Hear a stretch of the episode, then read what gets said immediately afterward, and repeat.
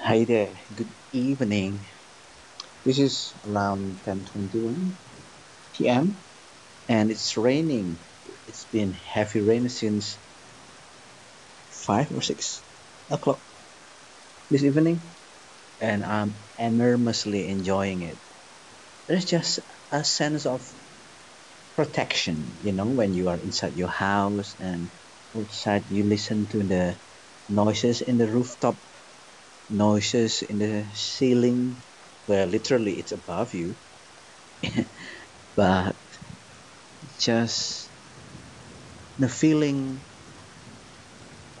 of thankfulness, I would say, because you are given house and during this heavy rain, like right now in Indonesia, you don't feel, you know, you get wet because of downpour.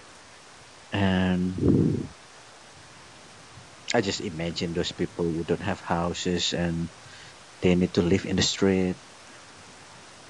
How thankful we are because of the shelter that God provided for us. I encourage you during your hard time or hardship that you need to endure. Spend night, spend quite sometimes just sitting in your living room, in your comfy chair during the rain, you know, in a season like this. Doesn't have to be like rainy season in any seasons.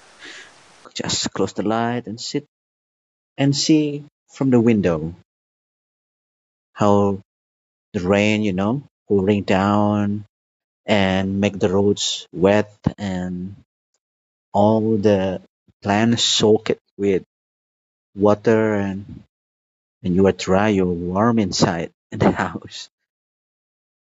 And the noises, oh, I love it. Thank you, Lord. And you know what?